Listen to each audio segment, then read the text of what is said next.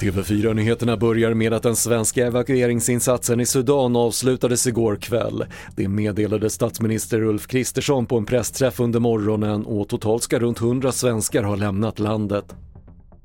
Det sköts mot två portar i ett flerbostadshus i Upplands Väsby norr om Stockholm i natt. Enligt polisen anmäldes skjutningen först under morgonen och man har hittat flera kulhål och tomhylsor men ingen person ska ha skadats. Bankernas fest fortsätter efter Riksbankens räntehöjning igår. Storbankerna Swedbank och Nordea slår förväntningarna och ökar vinsten rejält, inte minst tack vare ett stort lyft för räntenettot. Det bankerna tjänar på skillnaden mellan in och utlåningsräntor.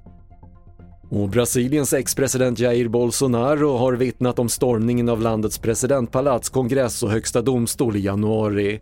Bolsonaro som utreds för att via sociala medier ha uppviglat protesterna i syfte att störta sin efterträdare nekar till anklagelserna. Fler nyheter på TV4.se. Jag heter Patrik Lindström.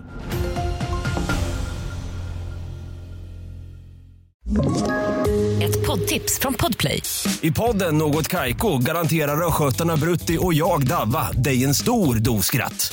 Där följer jag pladask för köttätandet igen. Man är lite som en jävla vampyr. Man har fått lite blodsmak och då måste man ha mer.